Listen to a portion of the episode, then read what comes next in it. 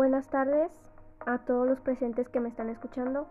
Este hoy 9 de noviembre del 2021 les voy a hablar sobre un tema, bueno, dos temas principalmente eh, que se llaman bio, bioelementos primarios y secundarios. ¿A qué pertenecen los bioelementos primarios? Pues estos son elementos que mayormente la materia viva, glucidos, lípidos, proteínas y ácidos, que constituyen al 95% de la masa total y son indispensables para formar las biomoléculas que, que están dentro de, de, cualquier ser vivo.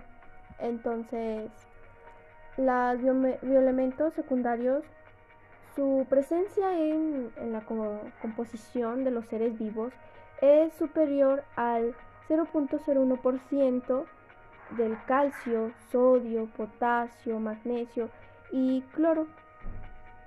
Pues hay diferencias entre estos dos tipos de temas, ya que los secundarios se clasifican en dos grupos, que son indispensables y variables, que también están presentes en todo ser vivo, sea en animal, todo ser vivo está presente.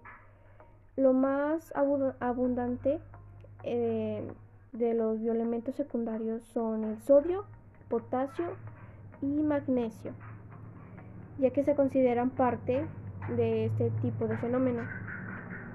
En los bioelementos primarios son elementos indispensables para formar las biomoléculas orgánicas que pertenecen a los glúcidos, lípidos y proteínas. Son el carbono que en algunos elementos están presentes en procesos claves que mayormente esto se demuestra que wow, algo que saca de onda pero es algo muy útil que debemos saber porque es parte de nosotros.